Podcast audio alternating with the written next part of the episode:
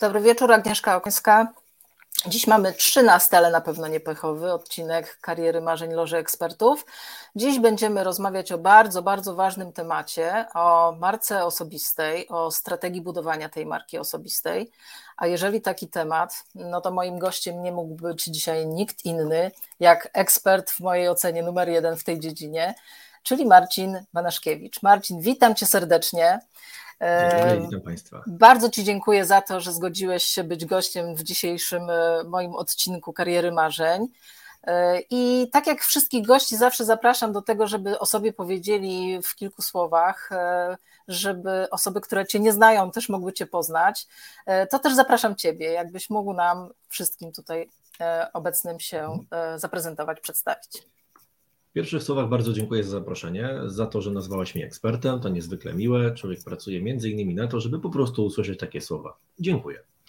Druga rzecz dla tych, którzy mnie nie znają, nazywam się Marcin i jeśli ktoś będzie uczestniczył w naszym wydarzeniu i będzie chciał zadawać pytania, zwracajcie się proszę do mnie po imieniu, bo social media, czyli to coś, o czym między innymi dzisiaj będziemy rozmawiali, jest nieco lżejsze niż taka sztampa typowo biznesowa w krawatach i jak widzicie, ja dzisiaj też bez krawata, jest wieczór, a zatem umówmy się, byłoby to po prostu bardzo nieautentyczne, gdybym tu siedział jak pingwin ubrany teraz we fraku. Zajmuję się na co dzień tym, aby ukazać ludzi takimi, jakimi są, w biznesie i aby przestali być mistrzami jednego budynku, w którym pracują, a ukazali się innym, dla których ich ekspertyza jest po prostu cenna i będą być może chcieli z niej skorzystać. Buduję marki personalne, pokazuję jak to robić, ale też pozwalam ludzi często, często ludziom wyjść z jaskini i to bardzo często podchwycane hasło, że ludzie czują się wreszcie jakby z tej jaskini weszli. Dzięki Ci bardzo. W międzyczasie, zanim przejdziemy do mojej y, dosyć długiej listy pytań, bo sama jestem bardzo ciekawa Twoich odpowiedzi na wiele z nich, to chciałam poprosić, żebyście też dawali znać, że jesteście z nami, żebyście w komentarzach e, z nami się w jakiś sposób e, przywitali, czy dali znać. Będzie nam bardzo miło i oczywiście przez cały czas trwania naszego spotkania możecie zadawać pytań, pytania, tak jak Marcin już o tym powiedział. Postaramy się na może niektóre z nich, bo może nie na wszystkie, jak będzie ich dużo, odpowiedzieć, a jeżeli będzie ich dużo i nie damy rady odpowiedzieć na wszystkie, to postaramy się jakoś offline'owo to pouzupełniać, jeśli, jeśli będzie taka możliwość. Więc Marcin, zacznijmy od samego początku. E, bo temat e, marki osobistej, e, moim zdaniem, jest wciąż niedoszacowany w przestrzeni biznesowej, a jest to temat bardzo istotny. Przynajmniej w mojej ocenie, pewnie w Twojej również. Więc czym powiedz dla Ciebie wyjątkowo, jako eksperta, jest marka osobista po prostu? No właśnie, Agnieszko, i to jest ten moment, w którym często stoimy w miejscu, gdzie zakładamy, że przecież wszyscy to wiedzą. I tak sobie gadamy ze sobą, marka osobista to, marka personalna, marka, marka, marka, marka i każdy myśli, że już wszyscy wiedzą, co to jest. Koniec końców jest tak, że kiedy położymy przed dziesięcioma osobami kartkę i długopis, poprosimy ich o napisanie, czym jest ta cała marka, bardzo trudno będzie znaleźć taką samą odpowiedź, ponieważ my uznaliśmy, że to jest takie coś, co nie ma encyklopedycznej e, definicji, a zatem kiedy jestem z HR-ów i mówię na miękko, to będzie to taki troszkę employer branding, ukazanie atmosfery, ale już kiedy będę dyrektorem sprzedaży, to powiem, że to są KPI, social selling, sprzedaż, lidy, no i każdy ma rację. Ale prawda jest taka, że po pierwsze marka nie jest osobista, bo nie sztuką jest przetłumaczyć personal branding, no tak, oczywiście to jest marka osobista, ale kiedy w konsekwencji przyjmiemy, że my zaczynamy rozmawiać o sobie jako marce, to tak jak i klasyczna marka, brand, one posiadają jakieś filary, wizje, misje, mają swoje takie fundamenty, no to i my powinniśmy mieć fundamenty. Fundamentem dla marki personalnej i dlatego jest ona personalną, jest odpowiedzialność, którą w konsekwencji zawsze wyciągamy personalnie. Odpowiedzialność i wiarygodność to dwa najważniejsze fundamenty marki. O ile osobista jest bielizna i majtki nie potrzebują żadnej, e, e, żadnych filarów, my wiemy, to jest moje, osobiste, mhm. do użytku osobistego, to nasza marka nie jest do użytku osobistego, jest do użytku przez inne osoby, a zatem Marka nie jest osobista, tylko personalna i kiedy coś tłumaczymy z angielskiego, warto tłumaczyć kontekstowo. Co to takiego jest? To nic innego jak ekspozycja własnej reputacji mhm. w przestrzeni publicznej. No i jeśli mówimy o LinkedIn, to za pomocą portalu społecznościowego. Ekspozycja własnej reputacji w przestrzeni publicznej, a nie tylko w tym budynku, w którym my na co dzień pracujemy. Ale to jest bardzo ważne, co powiedziałeś, dlatego że e, wiele osób uważa, skrajnie, że albo pokazywanie siebie w social mediach, w jakimkolwiek portalu społecznościowym, to jest pewnego rodzaju ekshibicjonizm i są mhm. przeciwni. Mhm. A z drugiej strony osoby, które są bardzo aktywne, ale w taki sposób niekontrolowalny, uważają, że są anonimowe i mogą sobie pozwolić na wszystko. I to, co powiedziałeś, ta ekspozycja na tą reputację też, mhm. E, to, to jest bardzo ważny element, który moim zdaniem właśnie wiele osób e, albo niedoszacowuje, albo przeszacowuje. E, albo I... jeszcze z innego, uzupełnię, bo to, to co tak? jest niezwykle ważne. Albo jest tak, że owszem, poszliśmy na jakiś portal społecznościowy, tam się sparzyliśmy, mhm. robiliśmy jakieś rzeczy, po których nas przegoniono, ktoś nam napisał wulgarne słowa, gdzieś się dookreśliliśmy, a komuś to nie pasowało i podjęliśmy decyzję, że wszystkie social media są takie i ten cały LinkedIn profesjonalny na pewno nie jest taki profesjonalny i tam nie ma mowy o żadnej reputacji, tylko seks, polityka, religia, czyli to, co nas najbardziej polaryzuje, to na pewno tam jest najważniejsze. I podejmujemy decyzję, że nie, nie, ja nie będę pokazywał, jakie mam ciuchy, czy gdzie jestem na grillu, to w ogóle nie nie, nie jest moja e, wrażliwość. Każdy akurat w tej wypowiedzi ma rację.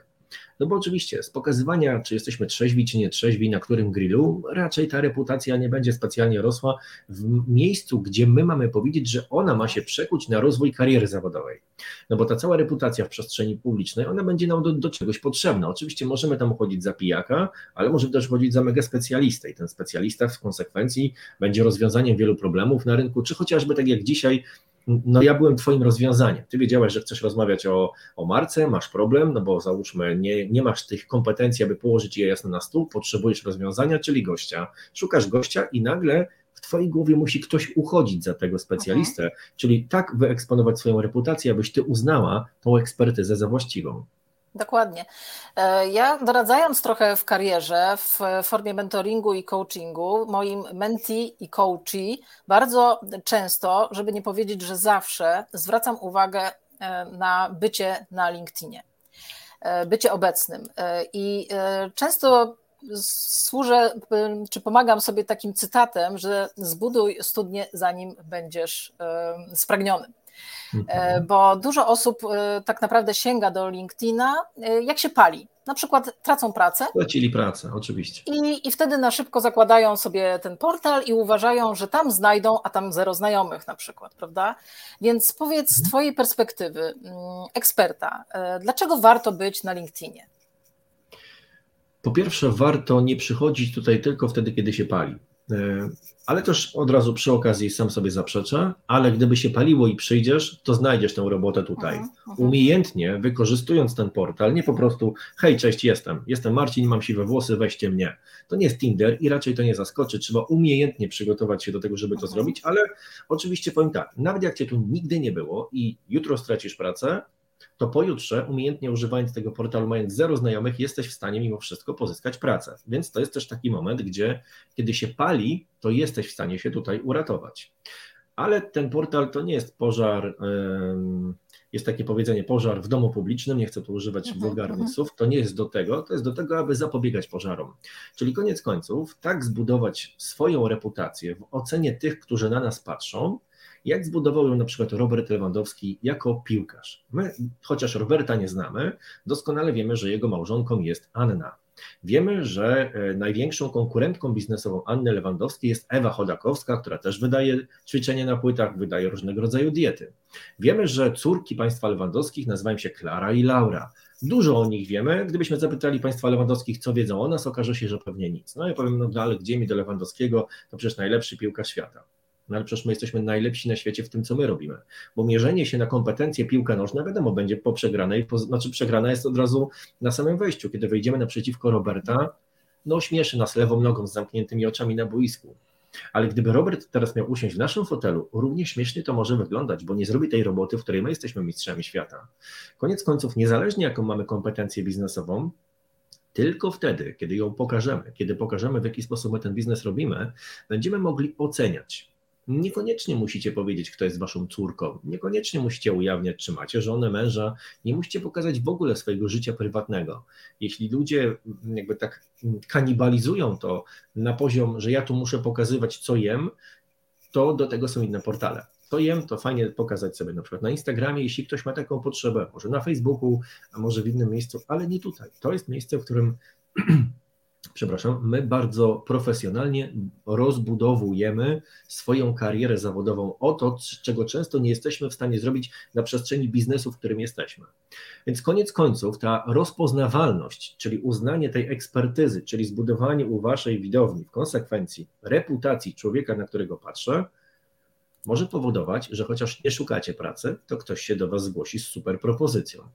Co więcej, może coś innego spowodować. Nikt ci pracy nie będzie tutaj mm, oferował, bo zobaczymy na, w tobie człowieka, który jest niezwykle zaangażowany w jakiejś firmie. Widać, że po prostu jest ci tam dobrze, więc nikt nie przyjdzie z tym, ale z czym przyjdzie? Z ofertą współpracy. Mhm. Z ofertą współpracy, której my często zupełnie nie jesteśmy świadomi. No bo wyobraźmy sobie, że my mamy jakąś blachę, a ktoś ma mięso. No i nagle ktoś przychodzi i mówi, słuchaj, może byśmy razem zaczęli robić konserwy nie głupi pomysł.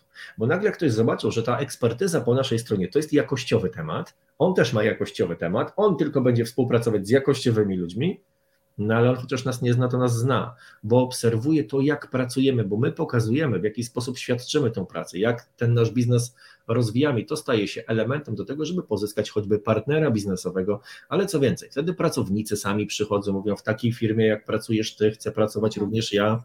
Dzisiaj chociażby napisałem post o tym, że jedna z polskich firm kosmetycznych wprowadziła czterodniowy system pracy zrezygnowali z pracujących piątków. Tak u, e, poukładali procesy, żeby w piątki nie pracować. Jeden z komentarzy, z komentarzy brzmiał: Przepraszam, czy Państwo zatrudniacie, jestem zainteresowana. I to jest taki moment, kiedy nikt nie wysłał żadnego na pracuj.pl bądź inny portal, żadnych ogłoszeń, nikt nie tworzył wielkich jakichś tam systemów, które później w lejku coś się tam zapisuje. Jedna tylko informacja o wartości, którą ma prezes tej firmy, pani Anna, oraz to, co ta firma sobą reprezentuje, wystarczy, aby ludzie sami zaczęli przychodzić. No i kiedy my mówimy, że jest trudny rynek pracownika, no to owszem, kiedy pracujemy starymi metodami, to jest trudny rynek pracownika, ale wystarczy pokazać employee advocacy, pokazać employer branding, czyli tą faktyczną atmosferę firmy, jak żyjemy, czy CSR, czy projekty, czy nastawienie na człowieka i nagle wszystko zaczyna działać inaczej.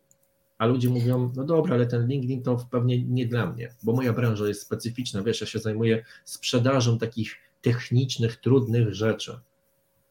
A dotknęła się do... Dotknęła, Dotknąłeś tematu bardzo istotnego, jeśli chodzi o szukanie właśnie pracy między innymi, bo e, w jednym z pierwszych tutaj odcinków tego cyklu był headhunter i e, osoba, która doradza w karierze zawodowej, Ernest Wenzel, i on powiedział e, coś, co, co ja już też oczywiście wiedziałam, ale nie miałam takiego twardego potwierdzenia w faktach, co on potwierdził, że 90% ofert pracy jest na rynku ukrytym, nie na tym oficjalnym, gdzie się już pojawia oferta pracy. Natomiast e, e, firma, przyszły pracodawca i kandydat, kandydat kojarzeni są na zasadzie polecenia. A żeby mhm. móc kogoś polecić, to po pierwsze o tobie jako o kandydacie ktoś musi wiedzieć, ty musisz tą, tą reputację swoją budować, musisz być aktywny, musisz być w branży postrzegany jako osoba, która rzeczywiście się na czymś zna, żeby ktoś ciebie mógł polecić, żeby ten też mhm. przyszły pracodawca mógł do ciebie dotrzeć. I to jest właśnie to, o czym powiedziałeś. Ale w międzyczasie, zanim przejdę jeszcze do konkretnego pytania kończącego ten wątek, to chciałam powiedzieć, że mamy komentarz obserwuję pana Marcina na LinkedInie i bardzo cenię go jako eksperta, więc jak widzisz, nie tylko ja cię uważam za eksperta. Bardzo dziękuję za ten komentarz. Nie, nie wiem, kto, kto napisał, to, bo jest... serdecznie pozdrawiam. Ja też nie wiem, bo jest to z grupy zamkniętej, więc mamy tutaj tylko Facebook User, więc... E, e, więc Pozdrawiam serdecznie i dziękuję. Pozdrawiamy, tak. E, kończąc ten wątek, czy zaryzykowałbyś jednak z takim stwierdzeniem, że LinkedIn i, i budowanie swojego tam profilu, wizerunku na LinkedInie to jest absolutne must have, czy jednak to zależy? Na przykład zależy od tego, w jakiej branży tak, działamy. Nauczyłem się kilka lat temu nie używać odpowiedzi to zależy. Mm, e, to jest najpopularniejsza odpowiedź, zwłaszcza w agencjach różnego rodzaju marketingowo-doradczych, również takich LinkedInowych, to zależy, czyli nie wiemy, musimy się dowiedzieć. No więc ja odpowiem na pewno nie to zależy. Czy LinkedIn jest obowiązkowy? Nie, nie jest.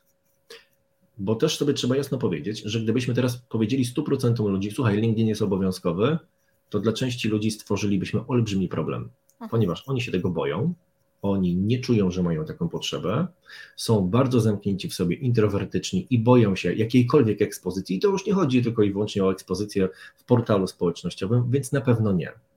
Powiedziałbym tak, LinkedIn jest dla chętnych, którzy nie chcą czekać, aż ktoś będzie zarządzał ich karierą zawodową, tylko sami chcą wziąć sprawy w swoje ręce i umiejętnie tę karierę zbudować sobie nie tylko za pomocą świadczenia pracy w budynku, gdzie na co dzień świadczą swoją robotę, tylko zrobić to również w przestrzeni publicznej.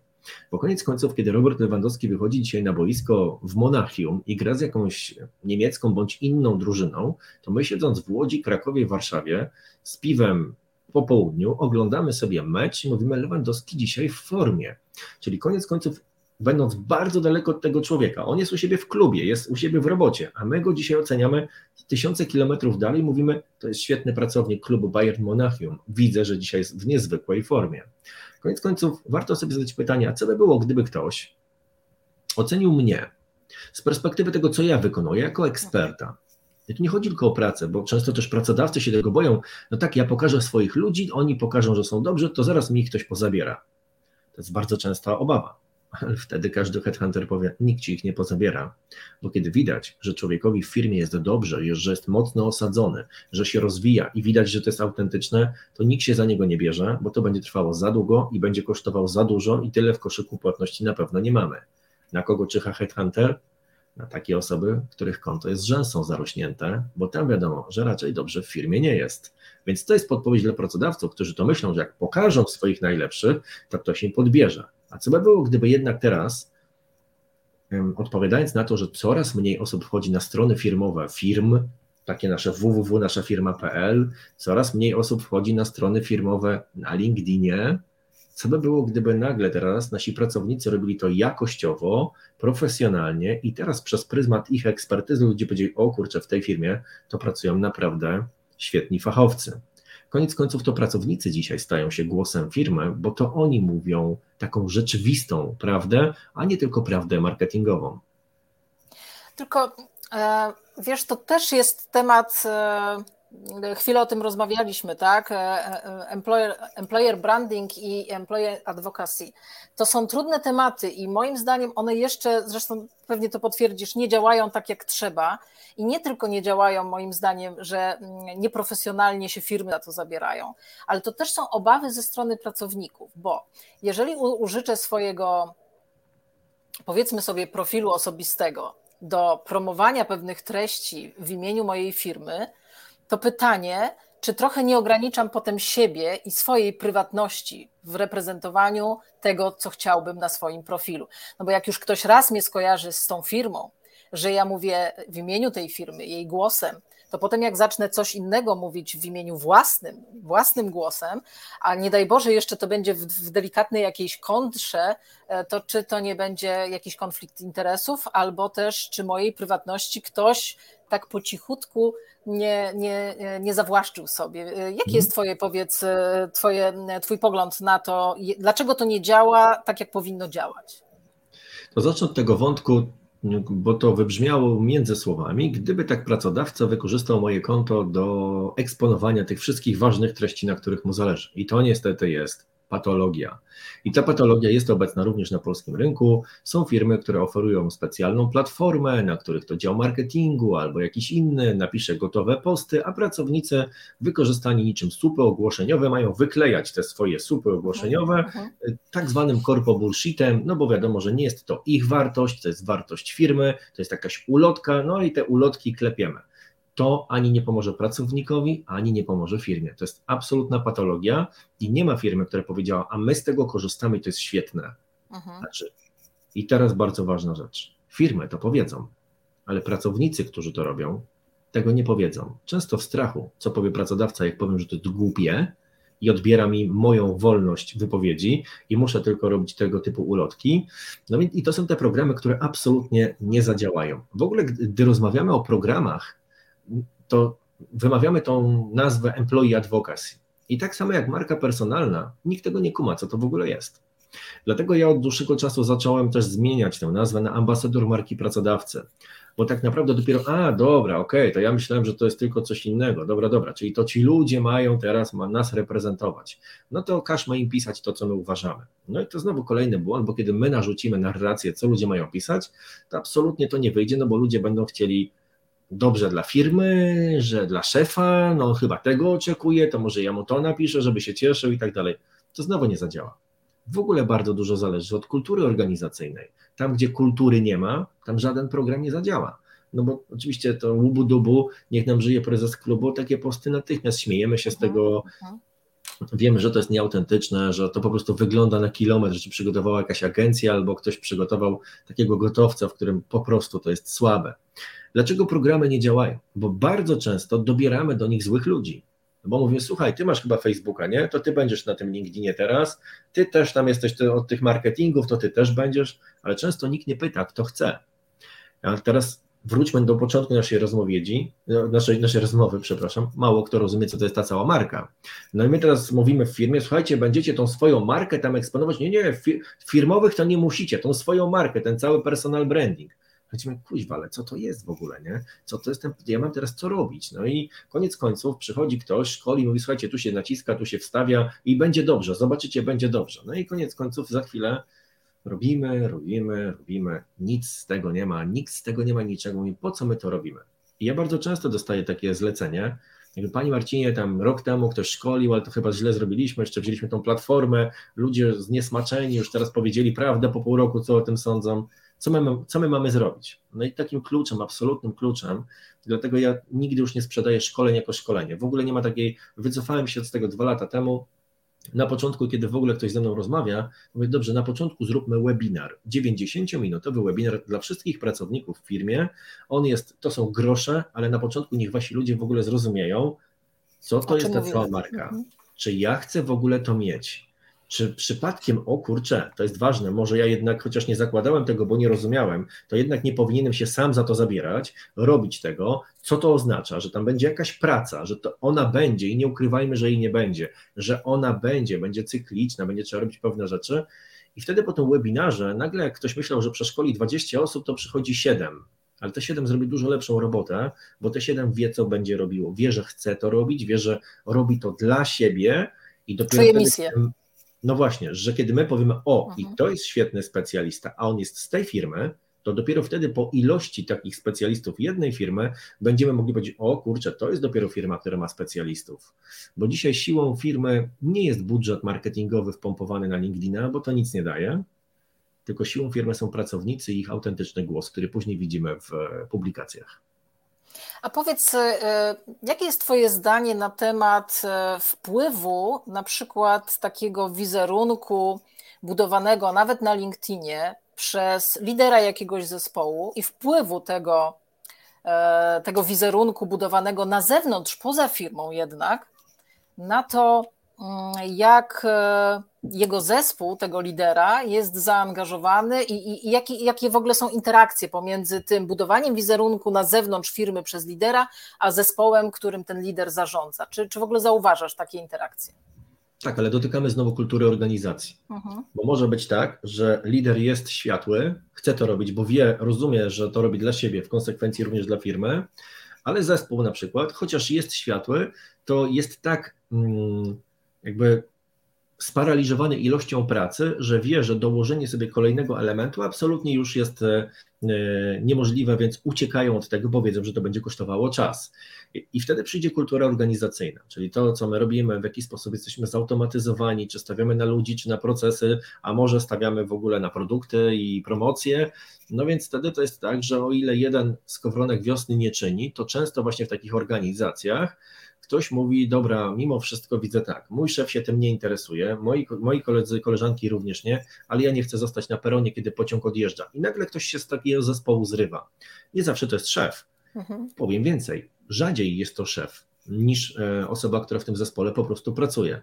Ale kiedy ta osoba dobrze odrobi swoją lekcję i jest w stanie stać się liderem, tej konkretnej części, czyli ekspozycji swojej reputacji w przestrzeni publicznej, i ona zaczyna ciągnąć za sobą pozostałych członków zespołu, dołącza wtedy prezes, czy też dołącza lider, dyrektor, kierownik, a jeżeli zrozumiał, że jego siłą są jego ludzie, to zaczyna grać w tym internecie również na swoich pracowników, bo pracownicy wtedy z wielką przyjemnością zagrają na szefa i wtedy zobaczymy coś takiego jak boss branding, czyli ukazywanie szefa, a jednocześnie przyciąganie do tego lidera. Dzisiaj no wiemy dobrze, że odchodzimy od szefów, aby pójść do innych firm. To jest klepane bardzo długo. A ja powiem, to już jest koniec. Już w ogóle trzeba przestać to mówić.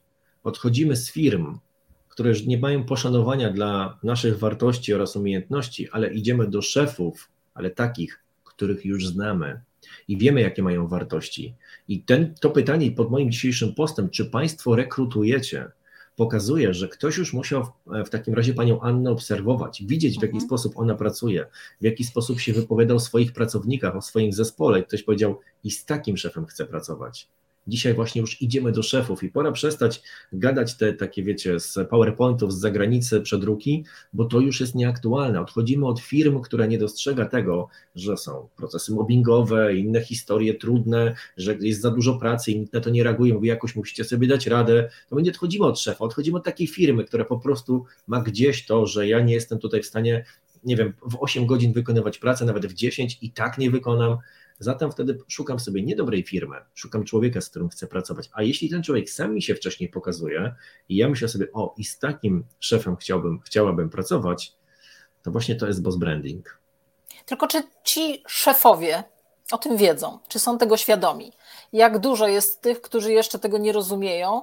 E, i nie, nie zagospodarowują tego, e, tej przestrzeni, która jest bardzo ważna, bardzo istotna, żeby zbudować właśnie ten swój wizerunek, żeby przyciągać te nowe talenty, tych ludzi, którzy za tobą chcą podążać i na przykład e, mówią swoim zespołom komunikacji, no jak już muszę na tym LinkedInie być, to już niech tam będę, to weź tam w moim imieniu napisz dwa, trzy posty w tygodniu, żeby było, że tam jestem.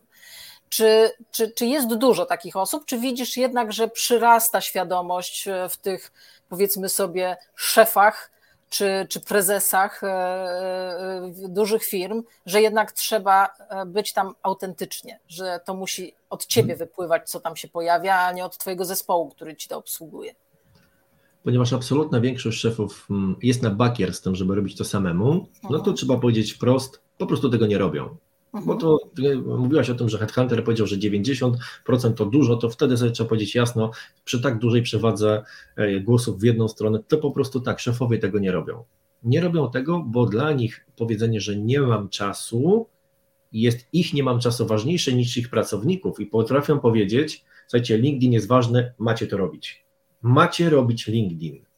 I taki poziom komunikacji w firmie, kiedy słyszymy macie robić LinkedIn, jeszcze nikomu w tym, w tym aspekcie nie wyszedł. Natomiast kiedy wychodzi szef, mówi zróbmy razem LinkedIn i jest autentycznie, to to wychodzi coraz większej ilości osób i nie tylko prezesom, bo oczywiście patrzymy zawsze na taki wierzchołek, na bardzo ważne osoby, ale często jest to po prostu menadżer, dyrektor jakiejś dziesięcioosobowego zespołu, kiedy wchodzi na LinkedIn, i bardzo często odwiedzę moje szkolenie otwarte i wręcz komunikuję wprost. Ja przyszedłem Pana sprawdzić, chcę zobaczyć w ogóle jak to działa, jeśli to u mnie zadziała, poczuję, to może kiedyś tam się gdzieś spotkamy biznesowo i tak dalej, i tak dalej. Koniec końców, do, nabywając konkretnych umiejętności, wraca do swojego zespołu, bardzo szybko wraca, mówiąc o tym, e, moi ludzie, jak się dowiedzieli, jakie popełniają błędy, tam dłubią, dłubią, dłubią i ciągle popełniają jakieś błędy i nic z tego nie mają, jak zobaczyli dwa, trzy moje posty, to zrozumieli, że oni mogą mnie wspierać, że nie tylko w firmie, ale mogą mnie wspierać na zewnątrz, gdzie widzimy team, wreszcie mhm. realny team, ale ja też chcę ich wspierać, zatem proszę ich przeszkolić, niech oni zaczną to robić profesjonalnie, bo ja też chcę ich wspierać.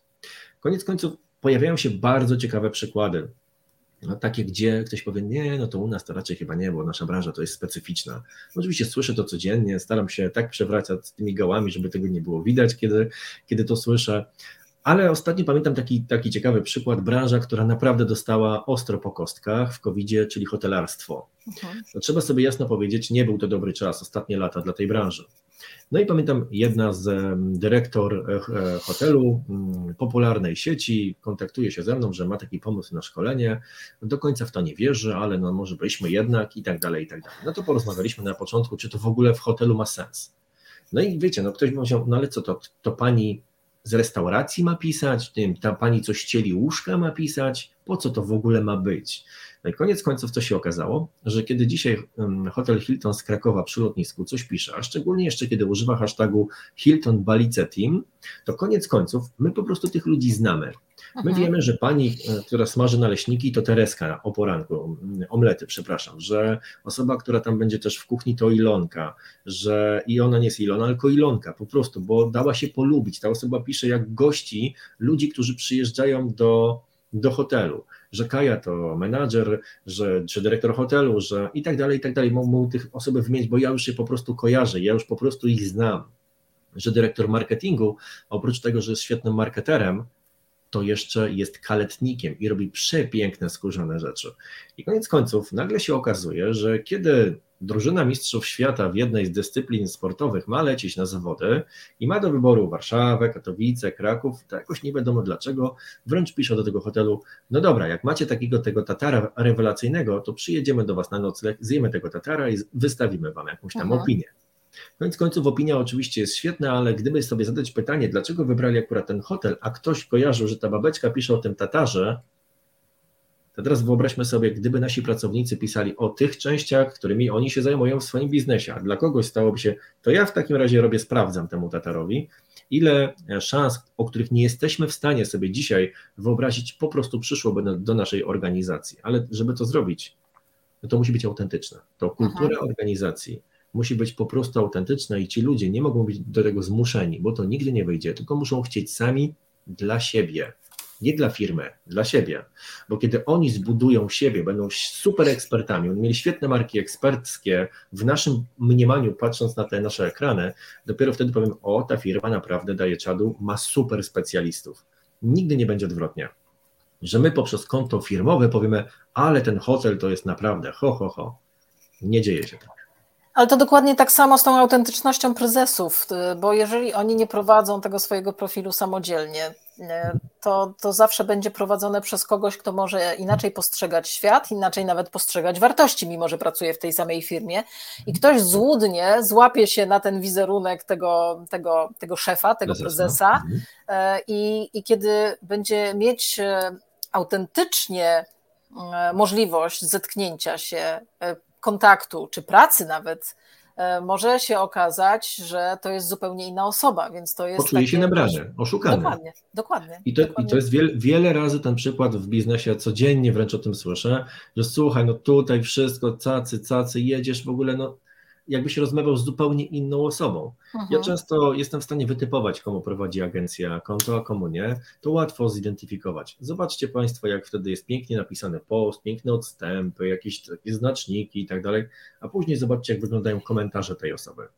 Bo o ile publikacja to jest to coś, co najczęściej kupujemy sobie, czy od wewnętrznych służb, które nas obsługują, czy od zewnętrznych agencji, marketerów, copywriterów, no to koniec końców w większości przypadków sami komentujemy.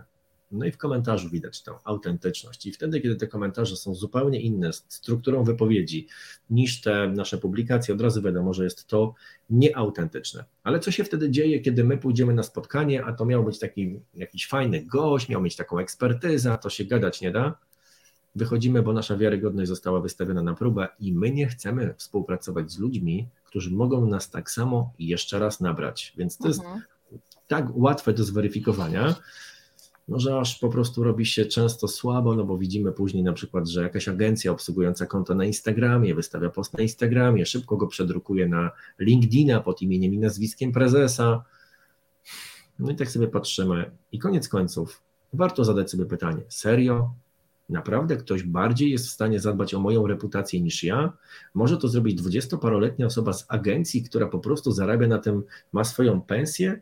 Ja, prezes jakiejś organizacji, Mam być później reprezentowany przez 20, czy może nawet i 30-parolatka, który w ogóle nie jest z mojej branży. Obsługuje mnie, jeszcze jakiś zespół e, muzyczny, a obok zakłady mięsne i tak dalej, i tak dalej, bo taką ma po prostu robotę.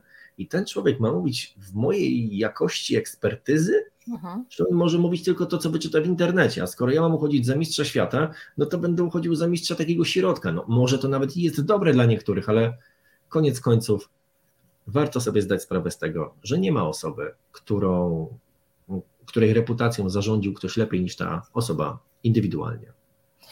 A powiedz jeszcze jako też y, specjalista w sumie od tego LinkedIna, e, mhm.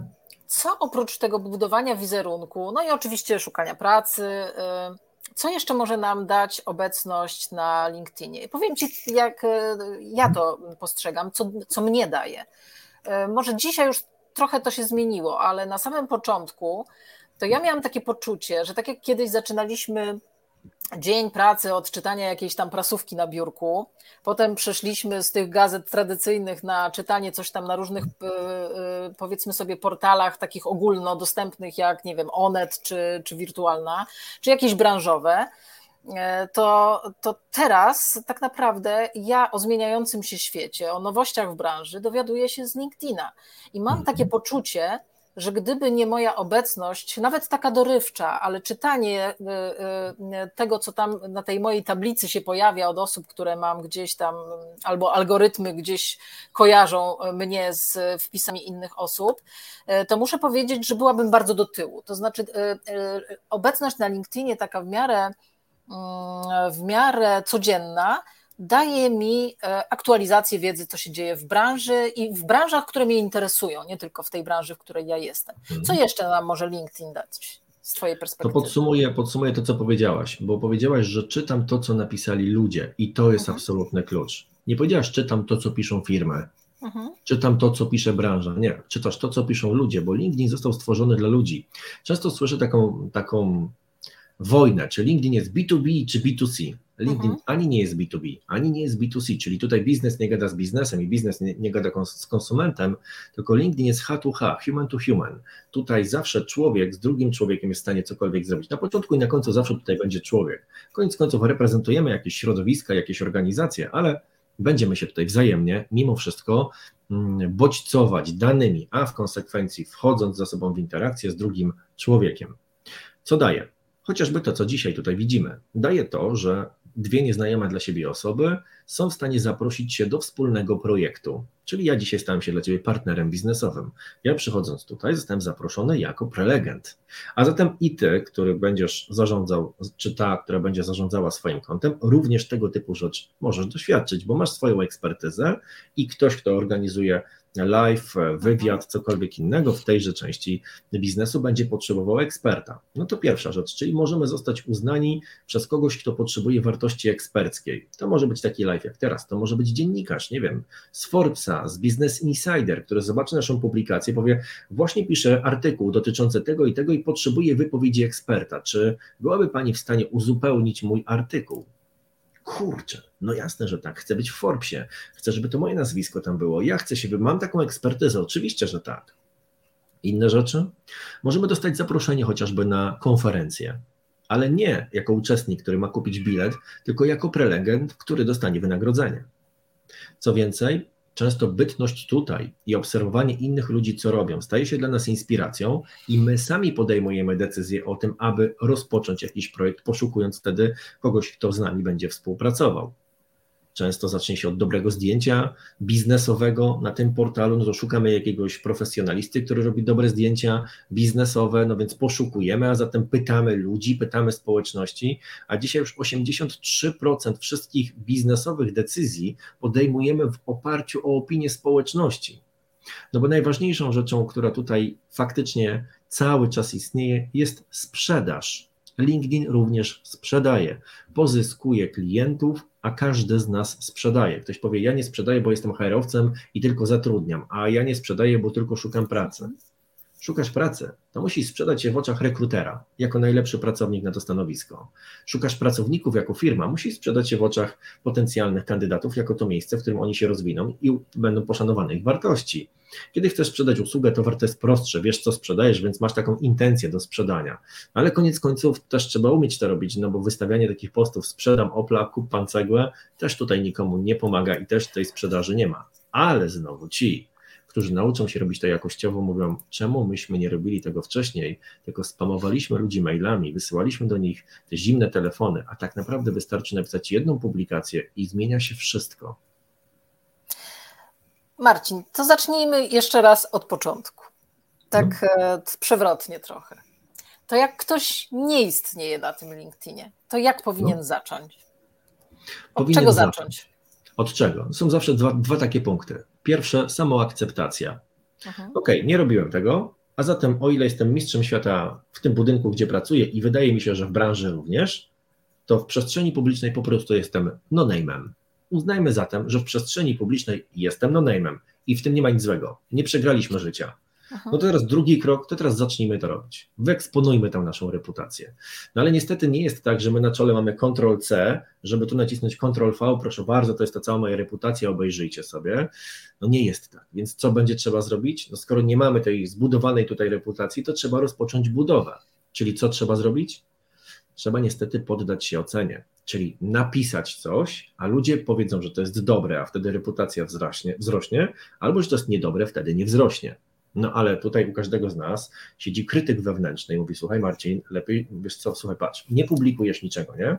Nie masz hejtu, nikt ci tam nie mówi, że to jest złe, głupie, nieładne, brzydkie, no to po co ci to? A jak ci tak ktoś napisze, to będziesz się lepiej czuł czy gorzej? To może lepiej byśmy tego nie robili. No to tego nie robimy. No i taki krytyk wewnętrzny potrafi nas skutecznie przekonać. Koniec końców my boimy się oceny. Na koniec końców później wyjdzie, że na LinkedInie autorskich postów biznesowych jest raptem tylko od 1% użytkowników. Czyli koniec końców finał jest taki, że 99% ludzi czyta to, co napisał 1%. No teraz, jeśli my chcemy być czytaczem postów, no to okej, okay, tylko nic nie budujemy. Jak czytasz gazetę papierową, to mhm. wydawca tej gazety nic o tobie nie wie. Tak samo jak czytasz post na LinkedInie, wydawca swojego posta nic o tobie nie wie. Ale koniec końców, kiedy tylko skomentujesz już coś, to pokazujesz kawałek swojej myśli, zaczynasz coś budować. Jak napiszesz publikację, zaczynasz budować na większej e, przestrzeni. My zaczynamy uznawać twoją ekspertyzę, my wchodzimy z tobą w interakcję. Ty zapraszasz tych, którzy gdyby czytali, mogliby rozwinąć twoją karierę zawodową, twój biznes, biznes. Zatem zaczynasz gromadzić wokół siebie grupę docelową, obsługujesz problematykę swojej grupy docelową, docelowej i stajesz się języczkiem uwagi.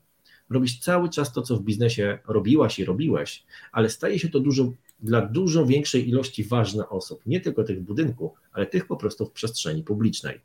Kiedy tego nie robiliśmy, w moim przypadku ja mam 44 lata, czy musiałbym teraz klikać 44 lata, żeby dowieść tę moją reputację do, do tego poziomu na LinkedInie? Wystarczą 4 miesiące solidnej, profesjonalnej pracy i za 4 miesiące jesteśmy w stanie rozpoznawać ekspertyzę osoby, której nie było, przyszła i zrobiła to profesjonalnie. Ale czy jeżeli ktoś ma opory, żeby pisać coś od siebie, to mhm. zalecałbyś mimo wszystko, żeby chociaż od komentowania zaczął? Oczywiście, że tak. Zrobienie czegokolwiek jest lepsze niż nie robienie niczego. Mhm. Mm, często ludzie mówią, no dobra, ja się boję jeszcze, w ogóle nie umiem pisać, żeby była jasność, ja się w ogóle boję pisać.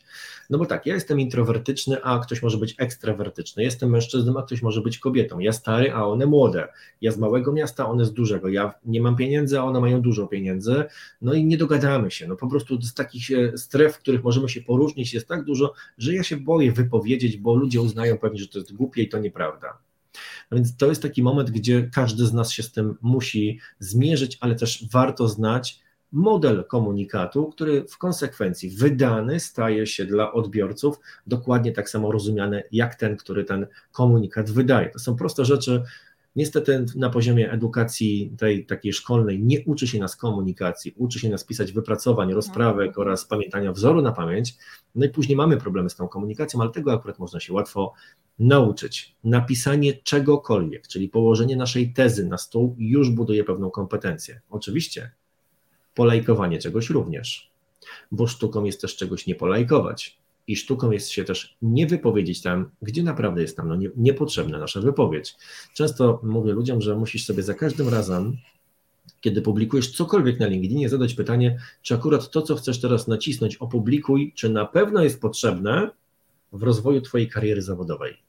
Bo jeżeli ty chcesz coś politycznego, albo chcesz coś o seksie, albo może o religii, albo o szczepionkach napisać, to raczej nie jest to twoja kariera zawodowa. Pewnie nie jesteś wirusologiem, tylko masz to jakieś pojęcie na to społeczne. Idź na portal społeczny mówiący o relacjach społecznych. Tutaj przyszliśmy budować karierę zawodową oraz biznes, który za nami stoi w biznesie, to czy my się szczepiliśmy, czy nie, czy wierzymy w takiego Boga, czy w takiego, czy w żadnego, czy śpimy z takimi osobami, czy z takimi, czy popieramy taką partię, czy inną, nie powinno mieć w ogóle znaczenia. Ale dotknąłeś bardzo ważnego i bardzo drażliwego tematu na LinkedInie i powiem, że nawet ja mam pewne doświadczenie, e, sam o tym wspomniałeś, właśnie o szczepieniu się.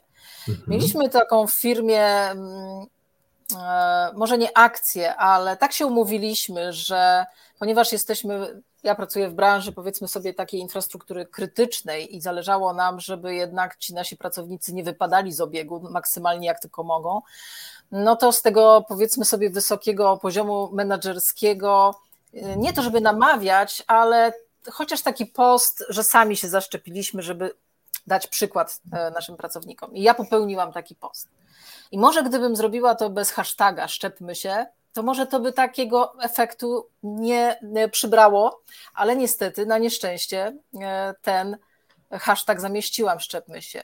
I muszę powiedzieć, że mam takie wrażenie, że tam po prostu sztab ludzi czekał tylko, aż ten hashtag się gdzieś pokaże.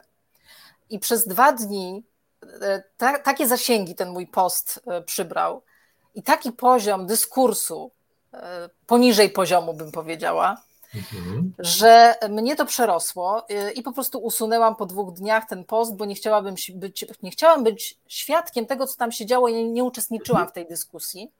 Nie odpowiadałam na te komentarze, ale miałam już potem dosyć tego, co tam się po prostu działo i po prostu to usunęłam. Ale muszę powiedzieć, że to, co mnie zaskoczyło bardzo w tym całym case'ie, który dla mnie był bardzo edukacyjny, to, że jednak na LinkedInie e, ludzie, którzy nie są, mm, powiedzmy sobie, na jakichś fejkowych kontach, gdzie nie ma zdjęcia, gdzie nie ma nazwiska, gdzie jest powiedzmy Anka 123, mhm. E, tylko ludzie z imienia, z nazwiska, e, z przypisani do konkretnej firmy, bardzo często mhm. nawet na wysokich stanowiskach, partnerzy, dyrektorzy, mhm.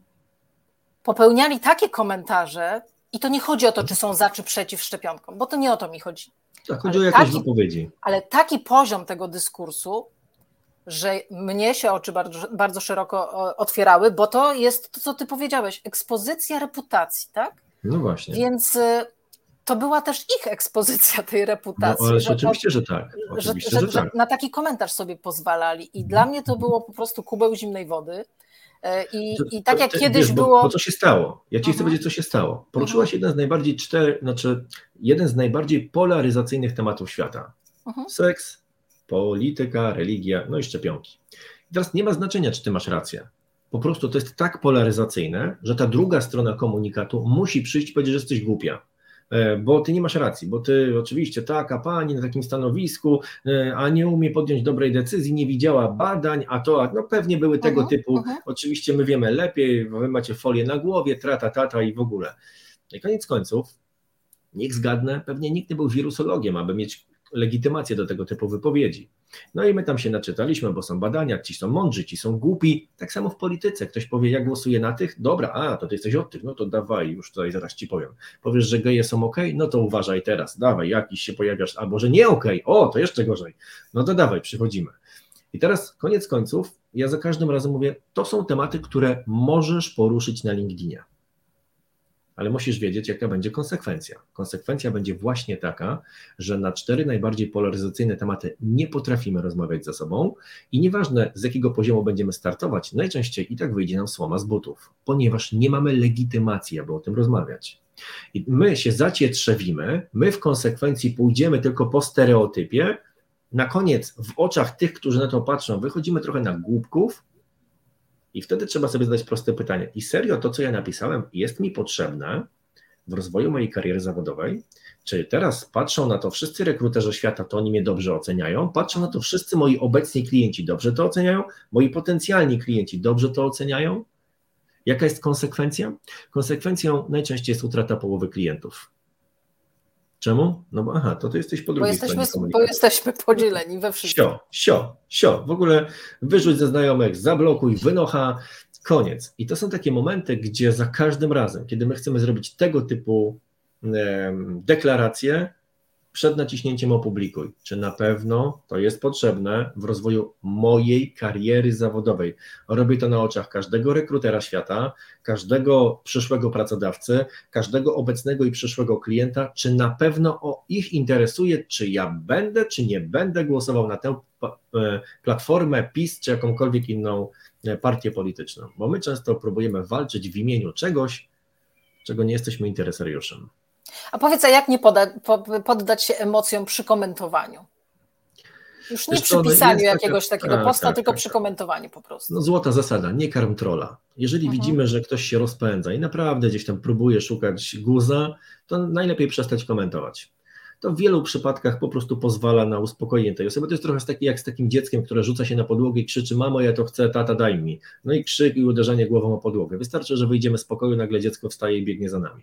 No i to jest taki moment, w którym brak zwracania uwagi na tę osobę przestaje ją karmić, bo ta osoba czerpie z tego korzyść. Natomiast, żebyśmy też tego tematu tutaj nie przegrzali bo my rozmawiamy o rzeczywistości, która jest na co dzień, jest codziennością Facebooka, Instagrama, natomiast na LinkedIn w ogóle postów o nasyceniu politycznym, seksualnym e, czy też szczepionkowym, no to jest taki jeden na tysiąc, żebyśmy nie myśleli, że na LinkedInie jest hejt taki, jak widzimy na każdym innym portalu. Bywa tutaj hejt i wtedy trzeba taki komentarz zgłosić. E, bardzo LinkedIn szybko sobie radzi z takimi osobami, które próbują naruszać regulamin, bo te, na tym portalu faktycznie panuje netykieta, czyli zbiór takich zachowań, które które uznajemy za jakościowe. No i jeśli tylko ktoś próbuje tę jakość naruszać, LinkedIn bardzo szybko reaguje i banuje takie konta. Mamy tutaj pytanie od e, osoby, która e, nas ogląda. Ponieważ będzie z tego podcast, to ja przeczytam, bo, bo oczywiście ci, którzy są teraz z nami online, to to widzą. E, a dokładnie pytanie mm, e, dotyczy, jak ocenia Pan linkowanie branżowych artykułów z własnym wstępem, komentarzem? Czy taka aktywność może budować reputację i ekspertyzę? I to jest w nawiązaniu do tego, e, o czym mówiłeś, o pisaniu własnych treści mhm. oraz komentowaniu.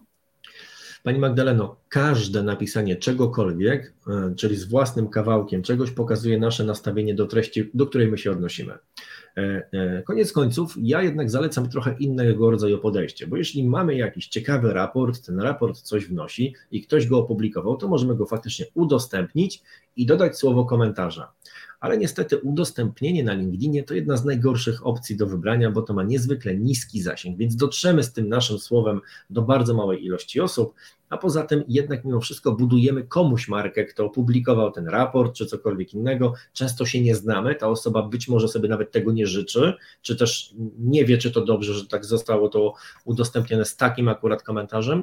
Zatem ja zalecam wtedy napisanie własnymi słowami swojego posta, że właśnie, nie wiem, czytałem raport, w którym i tak dalej. Oznaczę, jaka to firma ten raport opublikowała. Mogę nawet dać link w komentarzu do tego raportu, aby ludzie sobie spokojnie mogli tam przejść i przeczytać, ale napiszę własnego posta, mówiącego dokładnie to, co mi zrobiło przeczytanie tej treści, w jaki sposób ja teraz z tą treścią chcę rezonować, czy ja się z tym zgadzam i daję komentarz, czy się nie zgadzam, daję komentarz, jeśli się nie zgadzam, stawiam tezę, staram się ją obronić, pokazuję kontrę, poszerzamy horyzont.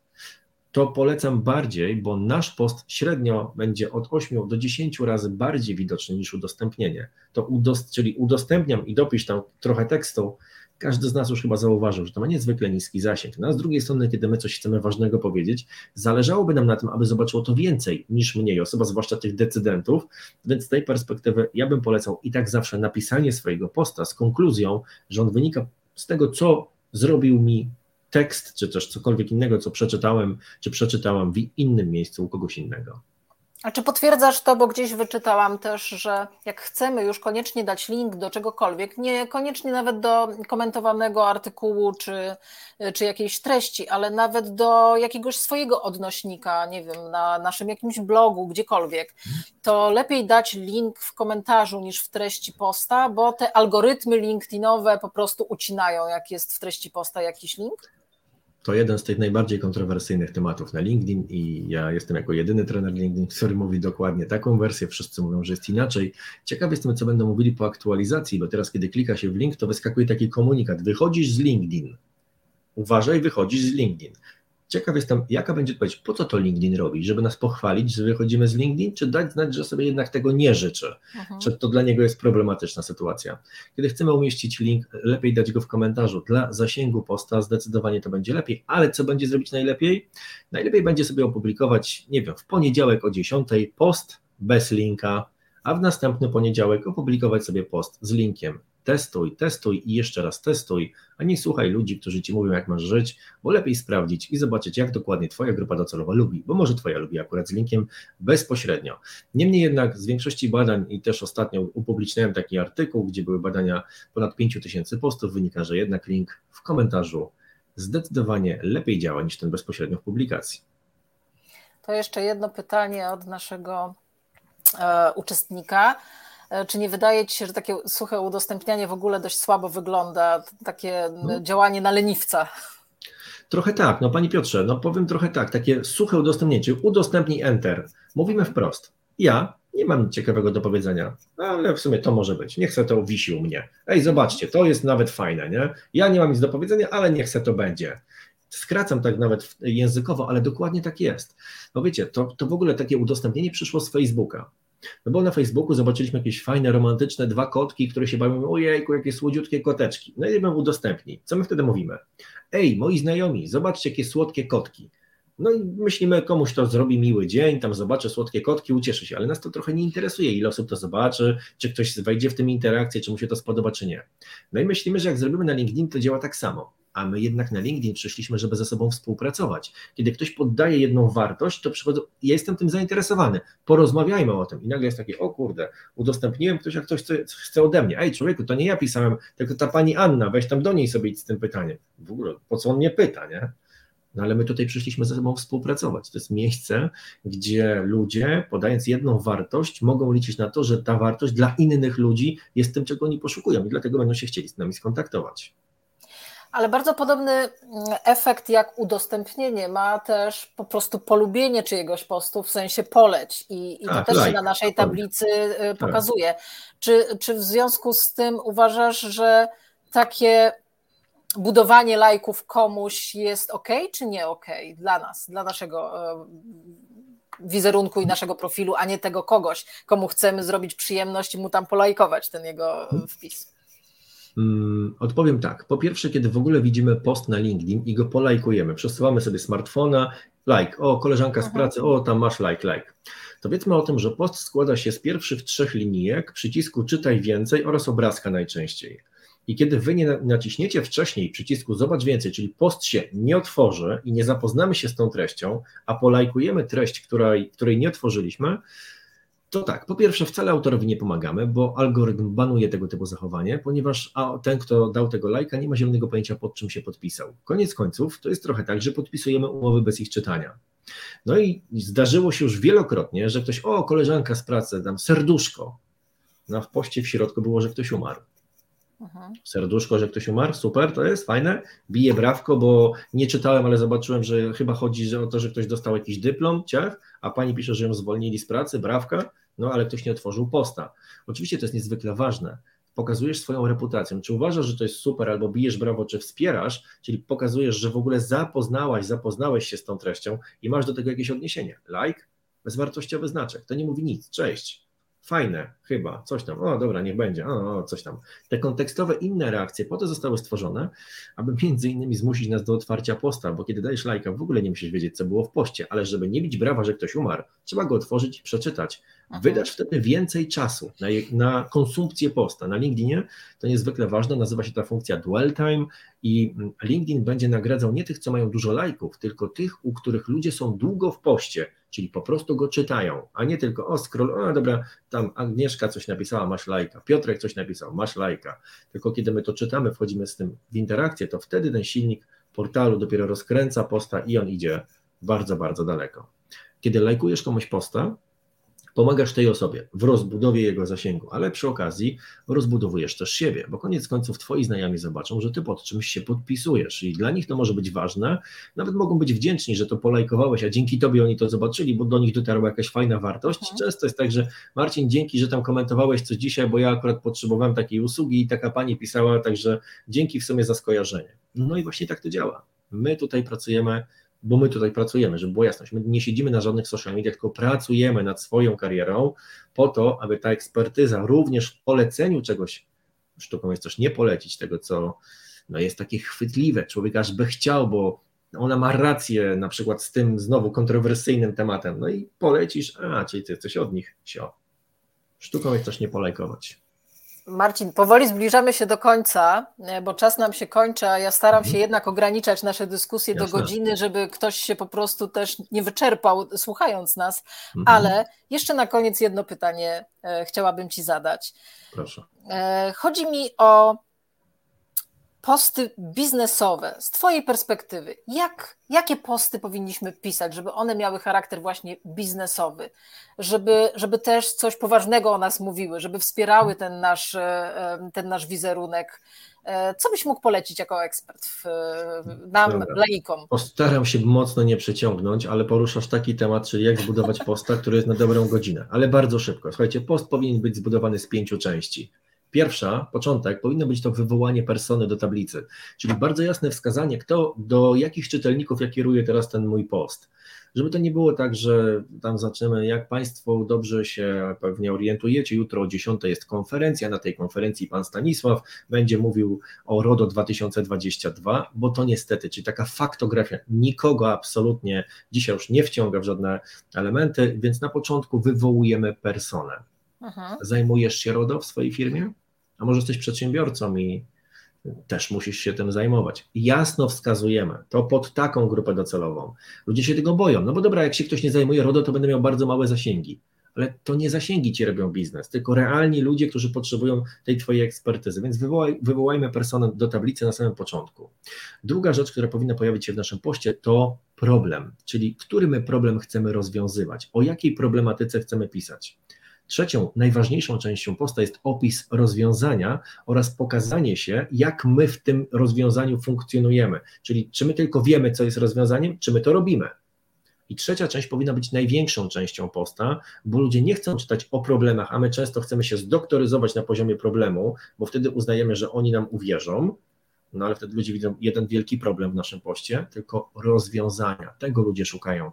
Ludzie, którzy szukają nasz, czytają nasze posty, szukają rozwiązania. Czyli chociażby jak nauczyć się takie posty pisać, aby ludzie chcieli je czytać, ale nie tylko to, tylko po przeczytaniu jeszcze, żeby chcieli wejść i zapytać mnie o tę wartość, o której ja pisałam, czy pisałem czwarta część tego posta, to powinno być takie potwierdzenie, że ta metoda jest po prostu skuteczna, że ci, którzy z niej korzystają, znajdują się w konsekwencji w lepszym miejscu, pozbywają się tego problemu. I ostatnia część powinniśmy odpytać, czy ten problem leży też po stronie czytelnika i czy przypadkiem nie chciałby popracować nad tym, aby tego problemu się pozbyć. Koniec końców, ludzie znają różne metody komunikacji. AIDA, storytelling chociażby. I to, co, o czym teraz ja mówię, to jest nic innego jak storytelling w drodze bohatera. Tak są złożone wszystkie bajki świata. Od ponad 100 tysięcy lat ta metoda jest niezwykle skuteczna. A bajka jest zawsze złożona tak, że po dawno, dawno temu za górami, za lasami żył bohater. I ten bohater miał przygody, perypetie i było wtedy zło. Ale w konsekwencji w tej bajce pojawi się dobro, następnie dobro wygra ze złem, i powstanie morału. I nie ma dzieci, które po przeczytaniu czerwonego kapturka mówią: Mamo, tato, ja nie rozumiem tej bajki. Nie ma dzieci, które nie rozumieją Shreka. Nie ma dzieci, które nie rozumieją baśni Grimm czy jakichkolwiek innych bajek. Nikt nie wypowiada słów: Mamo, tato, nie rozumiem bajki. I wystarczy zastosować to w przekazie biznesowym, tak jak wcześniej powiedziałem, nie tylko w poście na LinkedIn, bo chociażby w mailu, i nagle się okazuje, że nie ma znaczenia, jaką kto ma płeć, czy jest intro, czy ekstrawertykiem, młody, czy stary, i nagle wszyscy rozumieją dokładnie tak samo, a za odbiór naszego komunikatu zawsze będzie odpowiadał nadawca, a nie odbiorca, a zatem jeśli ktoś mówi, że ci ludzie mnie nie rozumieją, to nie jest ich wina, tylko niestety nasza. Marcin, bardzo serdecznie Ci dziękuję. Myślę, że dotknęliśmy zaledwie wierzchołka góry lodowej. Ale wiedzieć, ale wiedzieć, czego nie wiemy, to też jest olbrzymia wiedza, e, więc fajnie, że zwróciliśmy uwagę. E, mam nadzieję, że wielu osobom na ważne aspekty, które warto mm, e, zgłębić, którymi się warto zainteresować, które warto gdzieś jednak tam e, nad nimi popracować. E, mnie samej otworzyłeś już kilka okien, które na pewno będę chciała gdzieś tam kontynuować tą wiedzę. Bardzo Ci dziękuję za czas, który nam poświęciłeś. Ja dziękuję za zaproszenie. Wiele osób tu w komentarzach pisze, że bardzo cenne spotkanie i, wiele merytorycznej wiedzy, co, co, co Ci przekazuję, a za, potem będziesz mógł sobie w komentarzach oczywiście. To Agnieszko, pozwól, że ja się do tego odniosę, bo zadałaś to pytanie, mieliśmy za mało czasu, żeby powiedzieć to dobrze. Gdyby kogoś zainteresował ten temat, właśnie jak napisać publikację, odnajdźcie mnie proszę Państwa na LinkedInie, napiszcie, że byliście na live, a ja wyślę Wam prostą grafikę, która właśnie pokazuje to, co mówiłem i to mając przed sobą ułatwi Wam później pisanie każdej publikacji. Dajcie tylko znać wiadomości prywatnej, że byliście, widzieliście i chcecie grafikę, podeślę Wam tą grafikę, każdemu może będzie później łatwiej stworzyć swoją publikację. Super, bardzo Ci dziękuję za to i za tą deklarację. E, dziękuję wszystkim, którzy z nami byli. E, ci, którzy nie byli, niech żałują, ale mogą sobie obejrzeć to jako retransmisję, bo, bo będzie tak długo, jak długo YouTube będzie to trzymał. E, też zrobię z tego jak zwykle podcast. Jeszcze dzisiaj one się ukażą. Jak ktoś lubi sobie spacerować i słuchać, a niekoniecznie siedzieć przed ekranem i oglądać, to proszę bardzo, czemu nie? Z, więc dziękuję wszystkim za, za uwagę, za obecność. Życzę Wam wszystkim spokojnego wieczoru i do zobaczenia w przyszłą środę z kolejnym gościem. A kto to będzie, no to się dowiecie w swoim czasie. Do zobaczenia. Dzięki Marcin jeszcze raz. Pięknie, dziękuję i polecam kolejny odcinek. To będzie fantastyczny gość. Do zobaczenia. Dziękuję bardzo.